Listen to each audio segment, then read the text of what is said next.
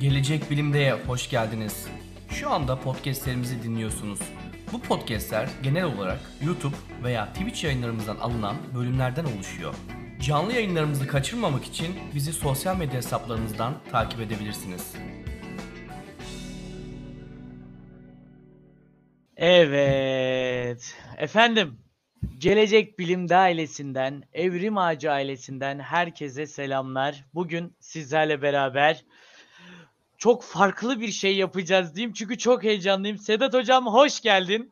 Merhaba, hoş bulduk. Ee, Biz bayağıdır yapıyorduk bunu. Ee, Çok heyecanlanma. Gayet güzel şeyler yapacağız. Güzel konular konuşacağız. Daha önceden de konuştuk. Ön bir konuşmamızı yaptık. Şey e, çok ne derler biraz duygulandığım bir an oldu. Neden? Hali hazırda tüm bu serüvenime ben Gelecek Bilim'de ailesiyle başladım. Bu Gelecek Bilim'de ailesinden herkese merhabalar sözünü 70-80 kez kullanmışımdır. herhalde. Oo, oo, çok Ya. duygusal anlar yaşanıyor Ya. o zaman. Öyle yazalım. Altyazıda geçelim. Yani Burak buradaysa bilir, o da chat'teyse bizleri takip ediyorsa bilir. Ya hal böyle olunca bu cümleyi yeniden o 100 saatlik yayınlarda da dile getirmiştik. Yeniden kullanınca çok tuhaf oldu ama ben eee, bu başlamış olduğumuz yeni format hakkında arkadaşlarımıza bir bilgi vermek istiyorum. Şu anda ekranlarını yeni açan izleyicilerimiz, Evrim Ağacı ile Gelecek Bilimde ailesini yan yana gören izleyicilerimize şunu söyleyelim. Bu akşam onları bekleyen çok güzel bir akşam olacak. Çünkü her hafta bilimde neler olup bitiyor bunları Sayın Sedat Hocam'la beraber birlikte konuşacağız. Öncelikli olarak bu hafta neler konuşacağımızı dilerseniz Sedat Hocam bir tane ben bir tane siz bir tane ben bir tane siz diyerekten arkadaşlarımıza hemen paylaşalım. Bu akşamın ilk konu başlıklarından eee, Dart geliyor. Dart arkadaşlar geçtiğimiz sene eee, bir asteroide yanlış olmasın ilerleyen dakikalarda eee, konuşacağız detaylı bir şekilde. Bir asteroide çarptırılan bir uzay aracımız. Bu uzay aracının başarılı olup olmadığını konuşacağız. Onun yörüngesini değiştirip değiştirmediğini konuşacağız. Sedat Hocam başka neyimiz var bu akşam? Evet, bunun dışında e, karbondioksit emisyonlarının orman yangınlarına bağlı olarak e, artmış olduğuna e, dair bir bilimsel bir çalışma var. Ondan bahsedeceğiz. Ayrıntılarından bahsedeceğiz. E, bunun dışında bir sürtünme ile ilgili bir yapay zeka yardımı sayesinde sürtünme katsayılarının azaltılması üzerine bir çalışma var. Ondan bahsedeceğiz. Bir konumuz daha vardı. O neydi? O da efendim dünyanın jeolojik modellemesi üzerine geçmişten günümüze hatta geleceğe yönelik bir perspektif sunabilecek bir modelleme e, söz konusu, modelleme çalışması söz konusu. Bunu sizlerle birlikte konuşacağız, sohbet edeceğiz, yorumlamaya çalışacağız. Elbette ki bu süre zarfı içerisinde yalnız değiliz ve hiçbir zaman da yalnız olmadık. Bizlere böylesine güzel bir programın e, hazırlığını sağlayan ve hali hazırda da şu anda yanı başımızda olan sevgili arkadaşlarım Aybüke Ere çok teşekkür ederim. Bora Ak soyadını unuttuğum için çok özür diliyorum Bora ama sana da çok teşekkür O kendini biliyor kalbimi de göndereyim. Barış var arkada rejide. Ona çok teşekkür ediyorum. Gelecek Bilim'de ekibinden unuttuğum arkadaşlarım var mı Sedat Hocam? Sizler de bana yardımcı olun. Ee, tabii ki Gelecek Bilim'de ekibi çok kalabalık bir ekip, bir ekip, bir yazı işleri var arkada. Çok e, ben de isimlerini tek tek şu anda ezberden sayamayacağım. Hepsine e, teşekkür ediyoruz. Bu yayının e, mutfağında onların emekleri çok fazla. E, sadece iki kişi görünüyoruz ama arka taraf oldukça yoğun çalışıyor her zaman olduğu gibi. Hepsine ayrı ayrı teşekkürlerimizi edelim ve hızlıca gündeme geçelim. Aynen öyle. Efendim bilirsiniz dart oyununu. Çok da sevdiğimiz bir oyundur. Evet. Biz bu dart oyununda elimizdeki dartı alıp attığımız andan itibaren karşıdaki hedef tahta şöyle bir sallanmaya başlar. Efendim biz bunu dedik ki alalım bir de asteroidlerden bir tanesine gönderelim. Bakalım onu da sallandırmayı ve bu sallanmayla salınımla yönünü değiştirebilmeyi başaracağız mı? Bu proje 2022 senesinde hayata geçirildi. Hedefi de vurmayı başardık. Pekala Sedat Hocam. Biz bu arkadaşı yörüngeden saptırmayı başardık mı? Evet, tahminlerden çok daha e, yüksek oranda e, başarılı bir e, çalışma oldu. E, sonradan anlaşıldı. Şimdi olayı biraz özetleyelim. Biz bunu nasıl anlıyoruz? Yörüngeden nasıl saptığını anlıyoruz. Şöyle anlıyoruz. Normalde bize çok uzak. e, şimdi bu dartı atacağımız bu gö- gök cisminin e, çok büyük olmaması gerekiyor ki biz ona vurduğumuzda momentumumuzu aktaralım ve yönü e, ölçülebilir mertebede sapsın. Eğer çok büyük bir şey gönderirsek öyle kolay kolay yerinden hareket ettiremeyiz. Yörüngesinden saptıramayız. Küçük olması gerekiyor. Ama küçük olmasının dezavantajı da şu. E sen küçük bir şeyi tutturamazsın. Hedef ne kadar küçükse tutturması o kadar zor. Ee, ve bu uzakta da bir gök cismi. Normalde gözlemlemesi de çok zor bir gök cismi. Tabii ki teleskoplarla bakıyoruz. Birincisi bu. İkincisi bu gök cisminin yörüngesini saptırırken dikkat edilmesi gereken şey saptıracağımız yörünge güneş etrafında da dönüyor bu gök cismi. Sonuçta bir asteroid ama güneş etrafındaki yörüngesinden bahsetmiyoruz. Bu ikili bir sistem, bir ikizi var. Ee, birbirlerinin etrafında dönen iki ayrı gök cismi var. Birbirlerinin etrafındaki dönme periyotlarında, dönme yörüngelerinde bir saptırma e, oluşturmaya çalışıyoruz. Neden böyle? Çünkü e, birbirlerinin etrafındaki periyotlarında periyotları çok çok daha dışarıdan e, gelecek etkilere çok çok daha açık, çok daha düşük bir açısal momentum var orada. Toplam açısal momentum çok daha düşük olduğu için en ufak bir darbeye karşı e, çok daha hassas bir şekilde periyotları dönme süreleri değişebiliyor. O yüzden böyle bir ikili sistem seçiliyor ve bu ikili sistemdeki küçük olan e, parçaya bu atılıyor. Çok emin değilim büyük de olabilir yanlış bilgi vermeyelim. Atılıyor ve daha sonra birbirleri etrafındaki periyotlarında e, kaç dakikalık sapma olduğuna bakılıyor. Bununla ilgili bir makale hatta bir değil dört ya da beş ayrı makale yayınlanıyor. Daha sonra e, haberimize konu olan makaleleri de ekrana verebilirsen eğer Tabii en azından listesini orada açıklaması var. Birisi işte bu e, periyotları başka bir, bir gözlemde bir teleskopla bakıp periyotları tespit etmişler ve bu periyotlarda tahmin edilenden beklenenden çok daha fazla sapmalar olduğu e, gözlemlenmiş. Evet orbital period bakalım başlığına makalenin. Orbital hı hı. period change of Dimorphos due to the dart kinetic impact diyor. Yani Dimorphos isimli gök cisminin e, yörüngesel periyodundaki değişim neye bağlı? Bu dartın e, kinetik olarak etkisine bağlı olan değişimi incelemişler. Ve hı abstraktında da yazdığı üzere bu dart e, uzay aracı e, bu çarpışma gerçekleştikten sonra e, yaklaşık ne kadar yazıyor orada? Biraz büyütebilirsen benim malum gözler artık belli bir yaştan sonra görmüyor. Ee, Şöyle söyleyeyim ben de size yardımcı olayım o arada. Yani maksimum evet, 33 7 dakika, dakika 7, de, 7 dakika Max, yazıyor evet. Hı, 7, 7 dakika, dakika e, bir etkiye sahip öyle değil mi? Evet evet. Hı hı. Bu arada şeyi de söylemek isterim.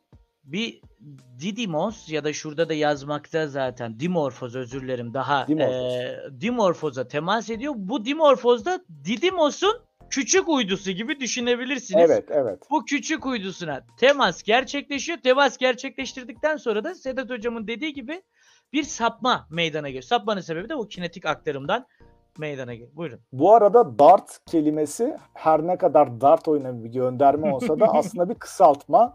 The Double evet. Asteroid Redirection Test. Ee, çiftli asteroid e, yeniden yönlendirme testi. Bunun Hı-hı. kısaltması ama tabii herkes onu DART olarak biliyor. Sonuçta olay çok daha e, şey olarak benzetme olarak e, ironik olarak DART oyununa benzetiliyor. Sayın hocam şunu konuşmak isterim.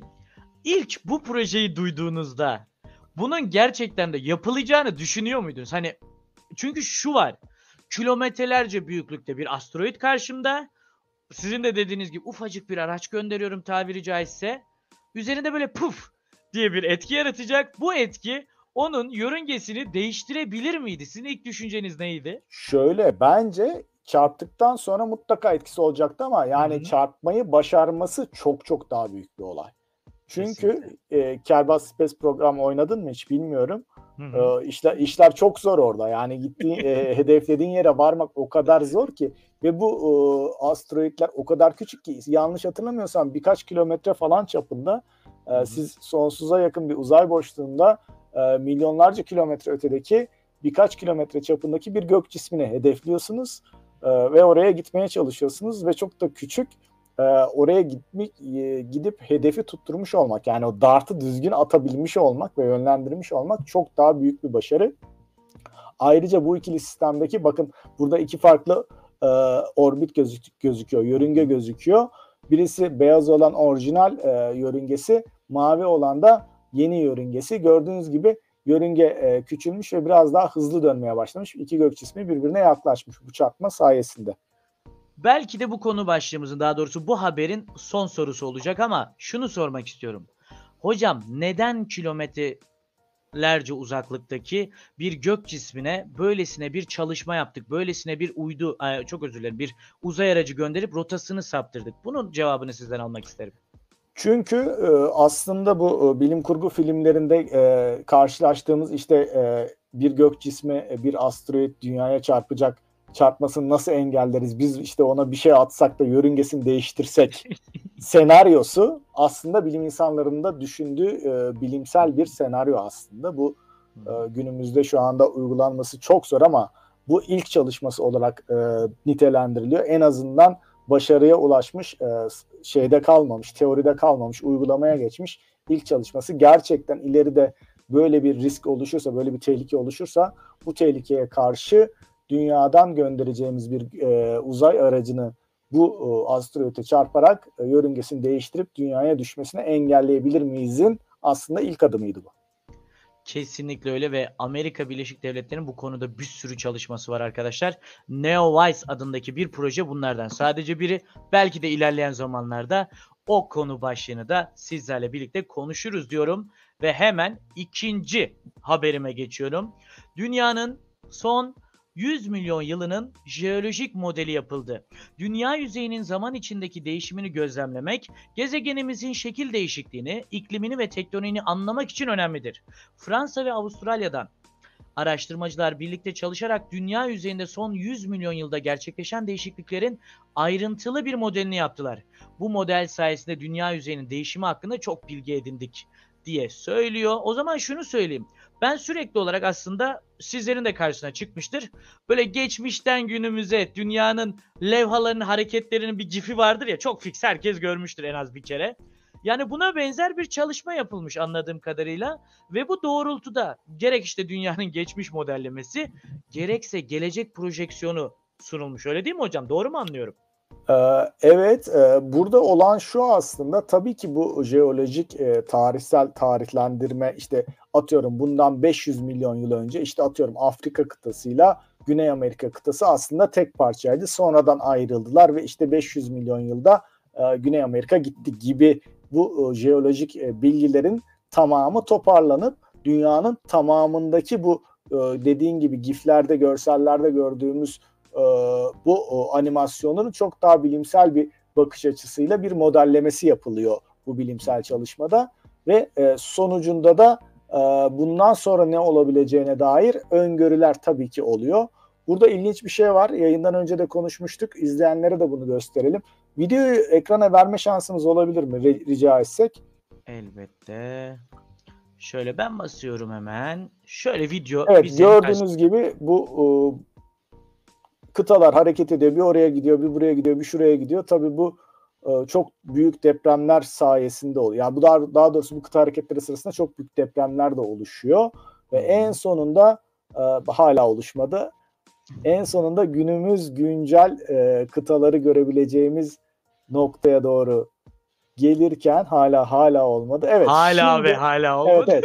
şimdi bakın sol taraf Amerika olarak ayrılacak. Sağ altta Afrika kalacak. Yukarıda Asya oluştu.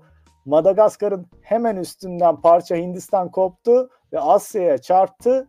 Orası zaten bomba. Ee, Hindistan Asya'ya çarparak neyi oluşturuyor? Himalayalar evet. oluşturuyor. Himalayalar, Everest Dağı'nı oluşturuyor. Ever, Everest tepesinin bulunduğu Himalayalar oluşturuyor. Ee, şöyle düşün, bu hareketler milyonlarca yılda oluşuyor. Ee, biz maalesef bir ay kadar önce bir deprem yaşadık. O depremde bu taktonik e, plakaların e, birkaç metrelik hareketi bile ne kadar büyük depremlere yol açtığını biliyoruz. Burada kilometrelerce e, hareket var ve bu hareketlerin sonucunda bir görseli de verebilirsek Hangisi? Hocam bunu e, biraz, biraz önce açtığımız aç kapa biraz önce, ya. Tabii ki. Hemen şunu alayım. Bakın burada da Hindistan Asya'ya gidiyor ve yapışıyor. Ee, ve o yapıştığı noktada dediğim gibi Himalayalar oluşuyor. Bizim bir ay kadar önce yaşadığımız e, 7.8 büyüklüğündeki deprem sadece 5-6 metrelik bir hareket olduğu söyleniyor. Orada Hı-hı. Himalayaların oluşması ne kadar uzun bir süreç ve ne kadar çok deprem oluşmuştur hayal gücünüze bırakıyorum. Sadece e, Hindistan kıtasının Asya'ya gidip çarpması sonucu olan şey bu. Ve kaç milyon yılda oluyor bu? Bir de yani burada tabii halihazırda başlı başına arkada devasa bir disiplin var. Nedir o? Levha tektoniği. Tabii, yani hal tabii. böyle olunca orada batma Jeofizik. çıkma hareketleri, jeofizik kısmı, Hatay'da, e, Şanlıurfa'da ve Gaziantep'te meydana gelen yanal atılımlar tam resme denk geldi dur yapamadım. Şöyle yanal atılımlar söz konusu oluyor. Bu tarz depremlerin ne kadar fazla yaşandığını bu milyonlarca yıllık süreç içerisinde zaten sizler de rahatlıkla öngörebiliyorsunuz. Efendim yani az önce izlediğimiz şeye baktığımızda biz bile GIF olmasına rağmen ha şimdi gelecek, şimdi son haline aldı, şimdi son haline alacak diye böyle birbirimizle e, videoyla yarışırken tabiri caizse ne kadar uzun sürdüğünü gördük. Gerçekten de bu tür tektonik lev hareketleri arkadaşlar kısa sürelerde evet çok muazzam değişiklikler yapıyormuş gibi gözükse de uzun bir süreç sonunda şekilleniyor diyebilirim. Ve eğer hazırsak sayın hocam bir sonraki haber Bir başlığıma... sonrakine geçelim. Chat'ten sorular geliyor ben görüyorum. Ee, tamamını Tamam. bitirdikten sonra üstünde zaten konuşacağız. Onu da söyleyelim. Ee, yayının sonunda bütün haberleri bitirdikten sonra böyle serbest zamanda rahat rahat konuşacağız. Ee, görmüyor değiliz chat'i. Bakıyoruz. Birazdan oraya da geleceğiz. Elbette. Şimdi bu haber başlığı ne yazık ki tıpkı deprem felaketinde olduğu gibi her yaz bizlerin de karşı karşıya kaldığı unsurlardan bir tanesi. Nedir o? Orman yangınları. 2021'de meydana gelen orman yangınları rekor düzeyde karbondioksit salınımı yaptı. Haberin başlığı bu. Uluslararası bir araştırma ekibinin yaptığı çalışmada 2000 yılından beri kademeli olarak artmakta olan ve orman yangınlarından kaynaklanan karbondioksit salınımları incelendiğinde 2021 yılında salınan karbondioksit miktarının ciddi miktarda artış göstererek rekor bir seviyeye ulaştığı bulundu. Şimdi ben böyle bir haberi görsem ve günümüze doğru yaklaştığında da karbondioksit salınımının arttığını gözlemlesem, verilerin bana bunu gösterse ben şundan otomatik olarak bir şüphe ederim. Gerçekten küresel ısınma kapıyı çaldı içeri girdi. Artık içeri girdi derim. Bu konuda hocam sizin düşünceleriniz nedir? Onları almak isterim. Şimdi şöyle orman yangınları daha e, insanlık yokken de vardı. İşin bir oy boyutu var. Onu da bir e, bilmemiz Tabii, gerekiyor. O boyutu. bilinçle bakmak lazım. Hı hı. Ve bu orman yangınları düzenli olarak yılda işte bilmem kaç hek, milyon hektar, bin hektar alanı e, kül ediyordu ve doğanın da bir parçasıydı bu. Yani oradaki ağaçların yenilenmesi için hatta gerekiyordu bile diye düşünebiliriz. İşin o Kesinlikle. kadar biyolojik kısmına hakim değilim ama bu döngüde, bu biyolojik çevrimde olması gereken kısımda. Ancak dediğin gibi e, küresel ısınmaya bağlı olarak dünyamızın ortalama sıcaklığının artmasına bağlı olarak e, yıllık e, orman yangının miktarı daha doğrusu orman yangınına bağlı olarak yıllık e, yanan alan miktarında çok bariz bir yükselme olduğu gözlemleniyor ve 2021 yılında da bu tavan yaptı ve rekor kırdığı gözlemleniyor. Hı hı. Bu e, küresel ısınmanın hem nedeni hem de sonucu. E, şöyle bundan sonra da orman yangınları artarak devam edecek. Maalesef gerişi, geri dönüşü olmayan bir döngüye girdiğimizin maalesef kanıtı olarak yorumlay- yorumlayabiliriz bunu. Çünkü ne kadar çok orman yanarsa o kadar ısınma artacak. Ne kadar ısınma artarsa e, yangın çıkma ihtimali o kadar artacak. İşin kötü tarafı da bu. O yüzden böyle yumurta tavuk ilişkisi gibi bir ilişki var. Bu aldı başını gidiyor maalesef. Kesinlikle öyle. Hocama katılıyorum. Aynı zamanda eee, ben de birkaç şey dile getirmek isterim. Şunu söyleyeyim. Hocamızın ilk başta dile getirdiği şey çok önemliydi. Mesela Akdeniz Havzası orman yangınlarına gebe bir havzadır. Yani bulunduğu bölgede ağaçlar her 50 senede, her 100 senede bir, şimdi sayılar elbette ki değişmeli olabilir ama bir orman yangınına karşı karşıya kalırlar. Ama bu onların bir anlamda ne derler tırnak içerisinde yenilenmesini sağlar. Ekolojik olarak yangınların böyle rolleri de vardır. Hal böyle olun. Sesimde bir sıkıntı mı var? Hocam beni duyuyor Yok şu anda iyi. Şu anda iyi. Tamam. Güzel. Hal böyle olunca Akdeniz Havzası'ndaki o ormanları düşündüğümüzde bu ekolojik olarak nispeten böyle bir ihtiyaçmış gibi gözlerimize canlanabilir. Ancak bu orman yangınlarının öngörebildiğimiz bir boyutu var. Yani dersin ki bu sene şu alan tutuşmaya müsaittir. Şu kadarlık bir hektarlık alanın da yanması planlanmaktadır. Öngörü yapmış olduğumuz bilimsel çalışmalarla tamam. Öngörü cepte. E bu 2019-2020'deki Avustralya yangınına ne diyeceğiz? muazzam miktardaki alanlar yandı. Muazzam oranda biyoçeşitlilik kayboldu. Bu öngörülen bir şey miydi? Aslında bu kadarı değildi. Elbette ki aylarca sürdü, aylarca. Aylarca sürdü ya. Tabii. Ama şöyle de bir şey var Akın, onu Buyurun da hocam. söyleyelim. Şimdi insanlığın varlığı orman yangınlarını e, aslında e, doğal hızından biraz daha azaltıyor. Yani hep şeyde diyoruz ya orman yangını insanlığın varlığından dolayı orman yangınları artmış olabilir diye aslında Hı hı. tam tersi. Bunun da altını çizelim. Ona rağmen küresel ısınmanın artmasının bir sonucu olarak orman yangınlarının doğal orman yangınlarının arttığını gözlemliyoruz. Yani buradan şunu anlatmaya çalışıyorum. Mesela bir orman Türkiye'de de bir orman bakanlığı var. Orman genel müdürlüğü var. E, Gözlemleniyor. Nerede yangın çıkarsa müdahale ediliyor, söndürülüyor.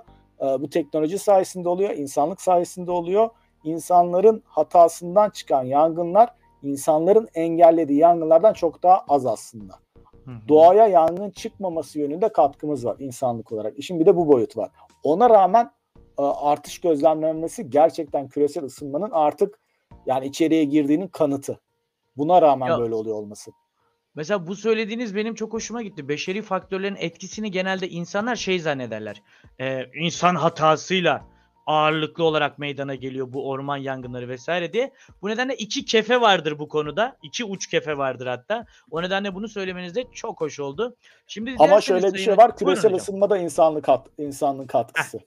Onu aynen. da katarsak o zaman kümülatifte daha çok ormanı kaybetmemize beşeri olarak sebep e, oluyoruz. Neden oluyoruz diyebiliriz evet. Biz ister istemez her masada parmağımız var. Keşke Var. o masadan çıkan sonuç iyi bir sonuç olsa diyelim ve sıra geldi yeni haberimize efendim. Hemen şöyle ekrana vereyim. Evet. Yeni haberimiz şimdi bu konuda ben biraz daha uzak duracağım. Makinalarda sürtünme etkisini azaltan bir sistem geliştirildi. Hareketli parçaların temas halinde olduğu mekanik sistemlerde sürtünme sebebiyle hasarlar oluşur. Tohoku Üniversitesi'nden bazı araştırmacılar yapay zeka tarafından yönlendirilen parçalar arasında hasarlı bölgelerdeki teması önemli ölçüde azaltan bir kontrol sistemi geliştirdiler. Henüz test aşamasında olan bu sistemin gelecekte makinaların daha pürüzsüz çalışmasına yol açacağına inanılıyor. Yani bir yapay zeka tarafından sürtünme katsayısını olabildiğince azaltan bir tasarım mı geliştirilmiş Sayın Hocam? Doğru muyum? Şöyle bir yazılım e, ve e, proof of concept bir çalışma. Yani sadece e, direkt uygulaması olmayan sadece böyle bir şeyin yapılabilirliğini ispatlayacak bir bilimsel çalışma. Yani buradan direkt son bir ürün falan düşünmemek lazım. Hı hı. Sonuçta olay şu sürtünmeden başlayalım. Sürtünme nedir? Ne kadar hayatımızda, nerelerde karşımıza çıkıyor onu bir düşünelim. Aslında her yerde sürtünme var. Her şey sürtünmenin eseri. Sürtünme olmasaydı doğa olmazdı, hiçbir şey olmazdı. Ee, ama sürtünmeye bağlı olarak bizim e, günlük hayatta kullandığımız her türlü araç e, hem sürtünmeden dolayı çalışıyor hem de sürtünmeye rağmen çalışıyor. Bu e, her iki boyutta da sürtünmenin etkisi var. Bu şu demek, sürtünme olmasaydı çalışmazdı ama çalışırken sürtünmeden dolayı biz hep verimsiz çalışıyoruz. Mesela otomobilleri düşün. Otomobile benzin koyuyorsun, benzini yakıyorsun, bir termal enerji elde ediyorsun değil mi? Ve onunla yol kat ediyorsun. Çünkü motorda bu yanıyor. Bir kısmı mekanik enerjiye dönüşüyor. Bir kısmı da sürtünmeden dolayı ısı enerjisine dönüşüyor. Peki mekanik enerjiye dönüşeni ne yapıyorsun? İşte arabanı hızlandırıyorsun bunun sayesinde. Ama daha sonra frene basıyorsun. Ne oluyor? Mekanik enerjide sürtünmeden dolayı ısıya dönüşüyor. Her şeyi ısıya dönüştürüyorsun. Ee, daha doğrusu enerjinin tamamını sürtünme enerjisi bir şekilde ısıya dönüştürüyor eninde sonunda. O Evet. yüzden sürtünme sizin e, motorunuzun işte arabadaki motor olur, başka bir mekanik sistem olur. Verimini doğrudan etkileyen bir bileşen. O yüzden işte motor yağı koyuyoruz ki sürtünme azalsın. E, araba daha çok motoru ısınmasın, soğusun ve sürtünmenin etkisine bağlı olarak ısı kayıpları oluşmasın diye. Sürtünme bu kadar hayatımızı doğrudan etkiliyorken ve verimi, enerji kaybını la direkt alakalı bir durum oluşturuyorken bunu azaltmamız bizim kontrollü bir şekilde azaltmamız bizim için çok büyük önem arz ediyor. Bu Hı. çalışmada da şöyle bir şey yapmışlar. Şimdi iki yüzey birbiriyle sürtünürken yüzeyin pürüzlülüğü ve e, tam sürtündüğü noktalarda oluşabilecek e, sürtünme katsayısındaki anlık artışları tespit etmişler. Ve buna bağlı olarak da e, birbirine alternatif yani şöyle iki dişinin sürtünü düşünelim. Aslında haberde bir video vardı. O videoyu yayına Hemen şu an ona bakıyorum Aha. hocam. bu sürtünme anında Şimdi sürtünen kısmın bağlantısını kesiyor ve oraya Ekrana video verdim. üstünden konuşursak çok daha mantıklı olacak. Evet, Heh, evet. buyurun. tamamdır. Biraz da büyütebilirsen. Bak şimdi burada birden fazla dokunan bölge var. Ee, sürtünmenin nerede olduğunu altındaki grafikte görebiliyorsun soldaki graf- grafikte bak. Sürtünmenin Hı hı. hangi anda olduğu grafikte görebiliyorsun. Ee, yapay zeka sayesinde o actuator'larla o kısım yukarı çekiliyor ve sürtünmenin e, sürtünmenin etkisi azaltılıyor. Yani o sürtünmeye maruz kalmamadan devam etmesi sağlanıyor. Güzel. Bu aslında altında da yazıyor. Proof of concept diyor. Yani aslında bu sadece böyle bir şeyin yapay zeka ile algılanıp Hı hı. üstesinden gelinebilirliğini kanıtlayan bir şey. Doğrudan bir uygulaması, günlük hayatımıza doğrudan bir katkısı şu aşamada yok. Belki ileride olabilir. Bu Hı bilgi sayesinde çok farklı cihazlar, sistemler geliştirilebilip e, çok daha verimi yüksek mekanik cihazlar tasarlanabilir. Sürtünmenin etkisini azaltacak yönde. Özetle böyle. Kesinlikle bir de şey Sedat hocam söyledi ya hani her yerde sürtünme var. Ya maddesel bir evrende yaşıyoruz Tabii ki. ve atomlar her yerimizde bizlerin karşısında ve ya her şeyle temas içerisindeyiz arkadaşlar. Siz görseniz de görmeseniz de. Hal böyle olunca yani sürtünmeyle sürekli olarak iç içeyiz aslında. Akın bir sorun var sana. Ee, fizikte dört temel kuvvet vardır. Biliyorsun. Ee, kütle çekimsel Manyetik. kuvvet, elektromanyetik kuvvet, e, strong force, güçlü kuvvet ve weak force, zayıf kuvvet. Hı hı. Doğadaki bütün etkileşimler bu dört kuvvetin bir makroya yansımasıdır aslında. Evet, uyarlanması. Peki evet. sürtünme kuvveti hangisine giriyor? Hmm. Weak'e mi giriyor acaba? Hayır. Hangisine Strong, giriyor? strong ve weak kuvvet e, e, force e, çekirdek içinde olan kuvvetlerdir. Hmm. Yani protonları bir arada tutan protonlarla nötronları şey bu hidrojen bağları, kovalent bağlar onlar tarzında Hayır, şeyler o mi? Daha da bağlar- farklı? Hayır şimdi bağlar e, atomun etrafındaki elektronların başka atomun etrafındaki elektronlarıyla olan Tamam. etkileşimleri elektriksel çekim ve itme kuvvetleriyle oluşan e, kuvvetlerdir. Niye böyle dedi biliyor musunuz? Hidrojen bağları zayıftır diye öğretilir ya bilirsiniz. Ha. Van der Waals kuvveti Aynen aynen onlar hani falan. zayıftır diye öğretilir. Şimdi o bilgiyi alıp buraya getirince Yok, olmadı. Olmadı. Weak force ve strong force tamamen çekirdekte gözlemlenir. tamam hocam. Küt- kütle çekim e, kütle çekim kuvveti ise e, makro ve nano boyutta kolay kolay gözlemlenmez. Çok büyük kütleler gerekir. Astronomik ölçeklerde gözlemlenebilir. İşte gezegenlerin, e, yıldızların e, ya da galaksilerin birbirini çekmesi ve bir arada durması ya da bizim e, dünyadaki ağırlığımız, ağırlık kuvvetimiz bir kütle çekim kuvvetidir. Doğal olarak yer çekiminden bahsediyorum. Bunun dışında günlük hayatta gözlemlediğimiz bütün kuvvetler sürtünme kuvveti dahil e, elektrostatik kuvvettir. Yani elektronun elektronu itmesi, elektronun Hmm. protonu çekmesi. Yani iki e, nesnenin sürtünmesi aslında e, iki nesnenin arasındaki elektronların e, birbirine o kadar çok yaklaşması ki birbirlerinin kuvvetlerinden etkilenmesi e, olarak tanımlanabilir. Hiçbir zaman zaten temas olmuyor. O da ayrı bir Bulutlar. mevzu. Aynen. O da ayrı bir mevzu. Ya ben iki elim birbirine değdirdiğimde hiçbir zaman gerçekte dokunma olmuyor. Arada bir boşluk mutlaka var. Evet. Ama aradaki sürtünme kuvveti de gene elektrostatik kuvvettir aslında. Bugün de bilgileri attık cebe. Evet.